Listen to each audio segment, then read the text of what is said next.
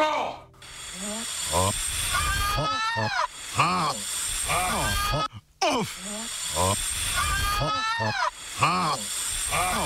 Offside.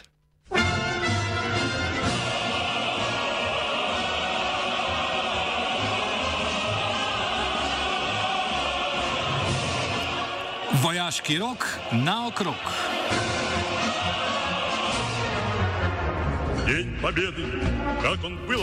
Med vladinimi gradivi za obravnavo v državnem zboru se je včeraj znašel predlog novele zakona o vojaški dožnosti, ki med drugim vsebuje dopolnjen seznam pogojev, na podlagi katerih lahko država uvede obvezno služenje vojaškega roka. Ministrstvo v predlagani noveli zakona širi uvedbo obvezne vojaške dožnosti tudi na stanje izrednega poslabšanja varnostnega okolja. Ministrstvo namerava tudi povečati interes za prostovoljno služenje vojaškega roka ter vzpostaviti pogoje, da se bodo mladi po končanem programu usposabljanja lahko vključili v pogodbeno rezervno sestavo slovenske vojske.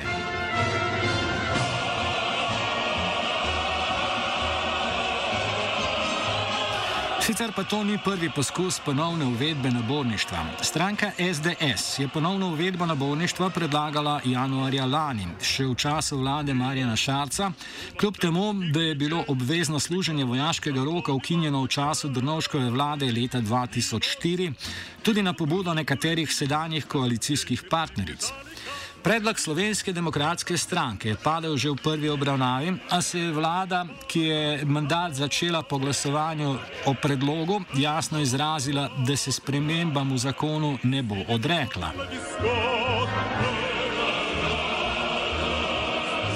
Doktorica Maja Gerb, predstojnica katedre za obramboslovje na Fakulteti za družbene vede Univerze v Ljubljani, težavo vidi predvsem v trendu upadanja števila pripadnikov stalne sestave in v upadu javnega interesa za služenje vojaškega roka.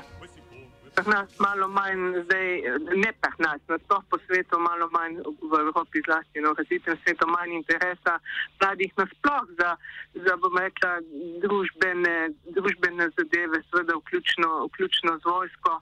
Vidimo sicer otroci se strašno radi igrajo razne te.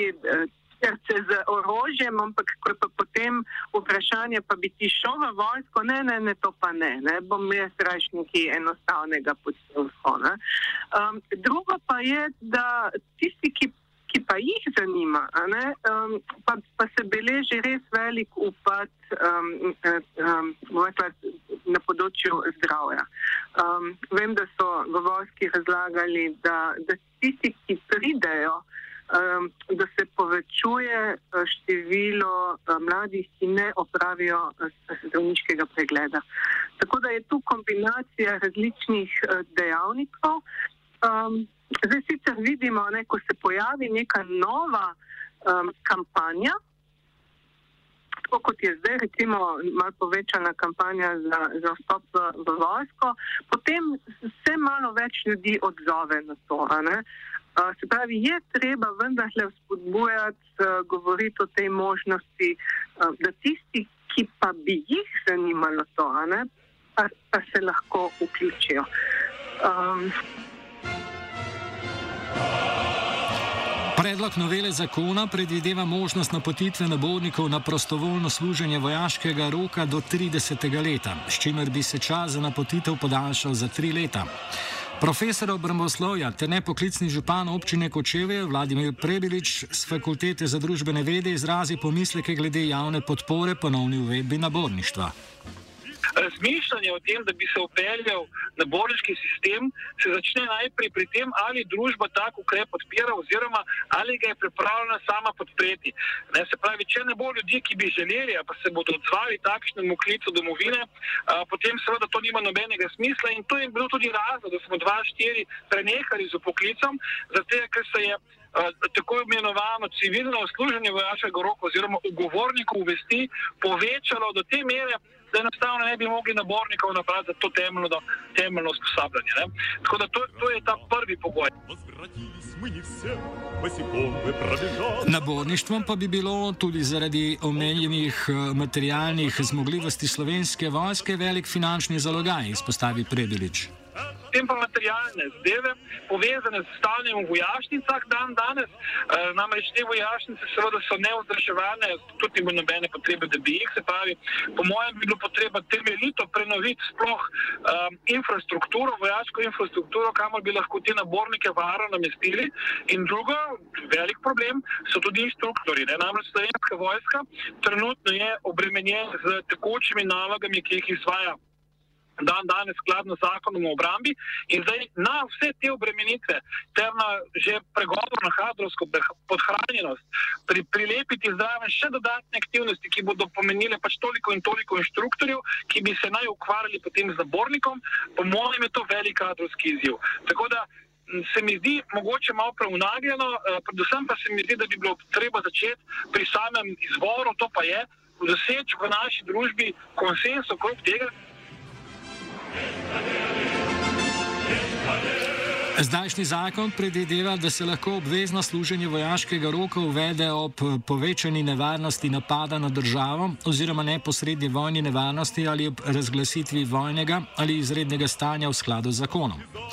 Ministrstvo za obrambo bi temu dodalo še obvezno vojaško dožnost v času miru in sicer ob izrednem poslabšanju varnostnega okolja.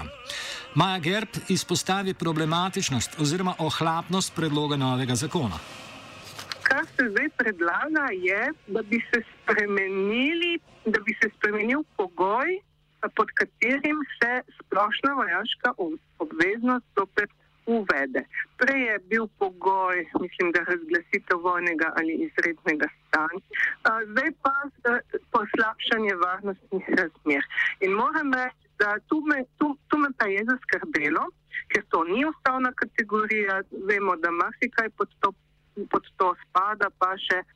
In moram reči, da to se mi zdi pa preveč ohlapno, preveč nasplošno uh, in, in se bojim, da bi bilo zlorabljeno uh, za uh, izvedbo splošne vojaške obveznosti uh, iz čisto političnih uh, namenov.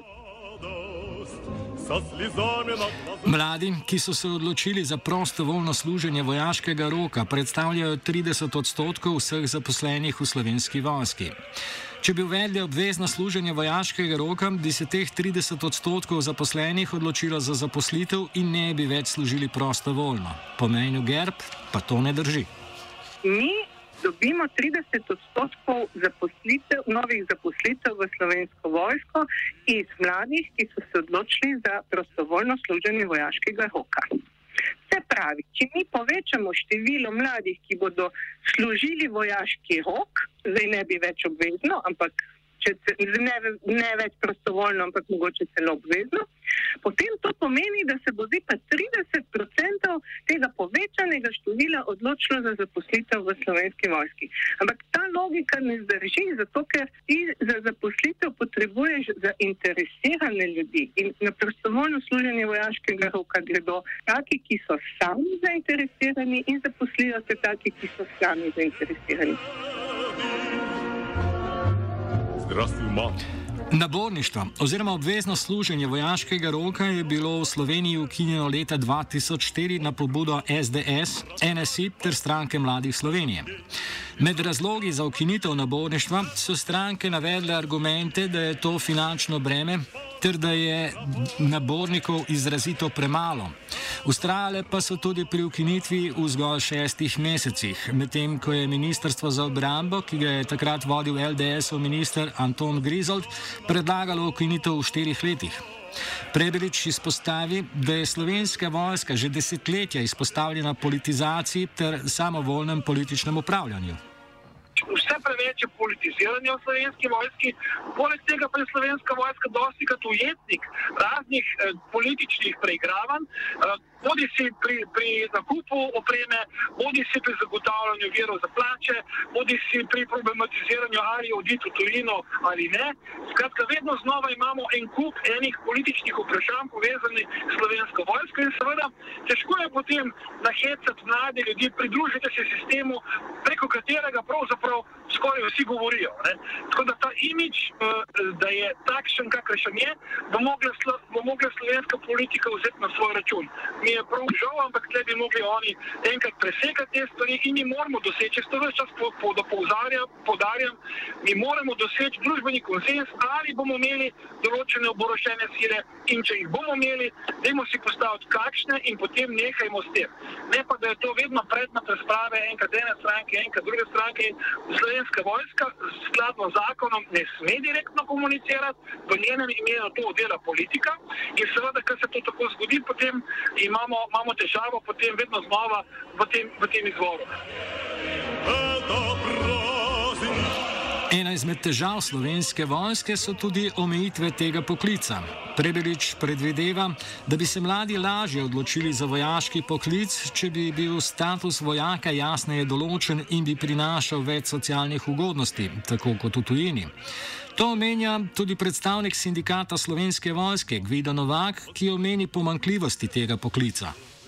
Čist primer plače v slovenski vojski določa vlada enostransko, Vsi, vsa druga področja javnega sektorja imajo kolektivne pogodbe, mi ne, v slovenski vojski vojaki ne moremo stavkati, eh, drugi lahko vsi stavkajo, razne redke izjeme eh, in, in to se tudi rezultira v, v tem, da imamo probleme na kadrovskem področju, zato ker stvari niso urejene.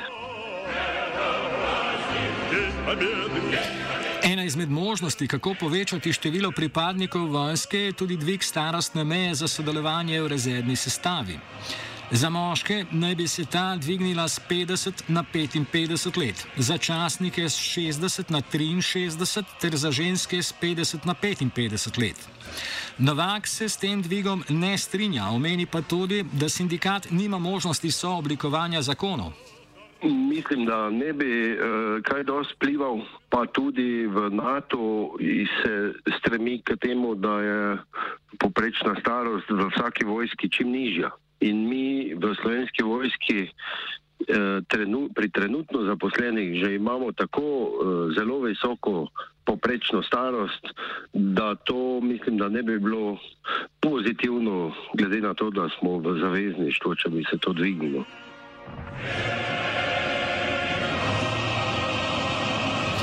Čeprav tega ne bodo nikoli javno povedali, menda nad spremembami novele zakona o vojaški dožnosti niso nič kaj navdušeni niti v slovenski vojski. To ni presenetljivo. Tudi v preteklosti so profesionalne vojske veliko krat nasprotovale naborništvu. To namreč vojsko veliko direktne oplete v življenja veliko večjega števila ljudi, s tem pa postane tudi veliko bolj upletena v aktualno politiko. Personalizacija je v vojsko v precejšnji meri umaknila iz javnega diskurza, kar v vojski, pardon, kar vojski po navadi ustreza. Predlog novele torej predvsem vrača vojsko na politični parket. Offset je pripravil Nikol, mentor je bil Matija. Off. Into just